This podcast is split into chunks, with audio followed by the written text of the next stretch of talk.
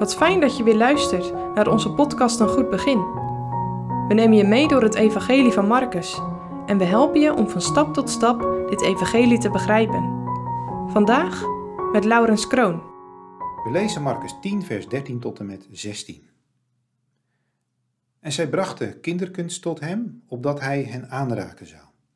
En de discipelen bestraften degene die hen tot hem brachten.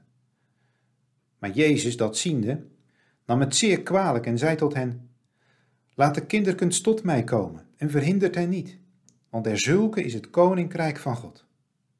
Voorwaar zeg ik u: zo wie het koninkrijk van God niet ontvangt gelijk een kinderke, die zal in hetzelfde geen zins ingaan. En hij omving hen met zijn armen, en de handen op hen gelegd hebbende, zegende hij hen. Kerk is vooral een gemeenschap van volwassenen. Amstdragers zijn vaak al wat oudere heren. En op zondag, maar ook vaak door de weeks, voeren volwassenen in de gemeente het woord. Kinderen en jongeren worden vooral geacht te luisteren en te leren. Maar betekent dit dat de kerk daarom niet voor kinderen is? Dat je pas welkom bent bij Jezus als je ouder bent? Sommige kerkmensen zullen dat niet zo snel zeggen, maar denken dat eigenlijk wel. In dit gedeelte van Marcus 10 leren we iets heel anders. We zien hier een bijzonder tafereel. Ouders brengen hun kinderen tot de Heer Jezus om door Hem gezegend te worden. Je zou zeggen, wat is er mooier dan dat? Maar de discipelen kijken zo niet. Kinderen waren in die tijd veel minder in beeld dan tegenwoordig. En de discipelen vonden waarschijnlijk met de beste bedoelingen dat kinderen de Heer Jezus niet voor de voeten moesten lopen. De Heer Jezus heeft zijn tijd hard nodig om te onderwijzen en te genezen. De kinderen die nu bij Jezus proberen te komen zijn niet urgent genoeg. En daarom spreken de discipelen de ouders streng aan. Maar de Heer Jezus denkt daar heel anders over. Hij neemt het zijn discipelen zeer kwalijk dat ze zo doen. Ze hebben er nog niets van begrepen. Hij zegt: Laat de kinderen tot mij komen en verhindert ze niet. Hij omarmt ze zelfs en zegent hen.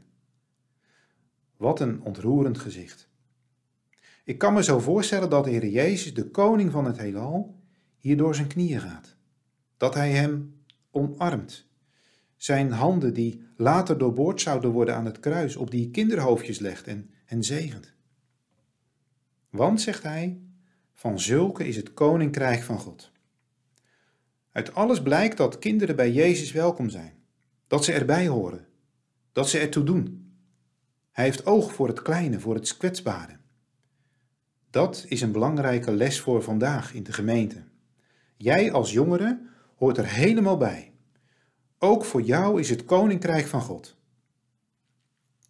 Maar wie vers 15 goed leest, ontdekt dat er nog een spits in dit gedeelte ligt. Jezus zegt daar: Voorwaar zeg ik u, zo wie het koninkrijk van God niet ontvangt, gelijk een kinderke, die zal in hetzelfde geen zins ingaan. Het gaat hem dus om het ingaan in Gods koninkrijk. Alleen kinderen komen daar binnen. Of je nu echt een kind bent, of dat je volwassen bent. Worden als een kind, dat is nodig om in te gaan in het koninkrijk van God. Van onszelf staan we door onze zonde buiten dat koninkrijk. Ook als kinderen van het verbond. Maar er is een weg. Die weg heet Jezus. Hij is de weg, de waarheid en het leven. Het is de weg die de kinderen in Marcus 10 gaan. In eenvoudigheid, oprechtheid en nederigheid, zeggen de kanttekeningen bij de Statenvertaling hier. Een kind neemt de dingen zoals ze zijn, eenvoudig. Een kind is oprecht in zijn bedoelingen. Een kind luistert met respect naar zijn vader.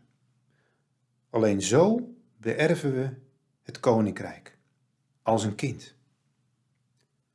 De discipelen denken dat zij met alle goede bedoelingen als grote wijze mensen moeten bijdragen aan dat koninkrijk. Maar ze staan het alleen maar in de weg. Ze moeten leren hun eigen inzet voor het koninkrijk van God en hun eigen eer achter te laten, te kruisigen. Alleen zo kunnen ze ingaan in het koninkrijk. Het is een zegen dat je bij een gemeente mag horen. In de gemeente komt de nodiging van het evangelie tot je. Maar je bent alleen behouden als je door Christus ingaat in het koninkrijk van God. Dat vraagt kinderlijk vertrouwen, oprechtheid en nederigheid. En de vraag is of jij op deze manier wil zalig worden.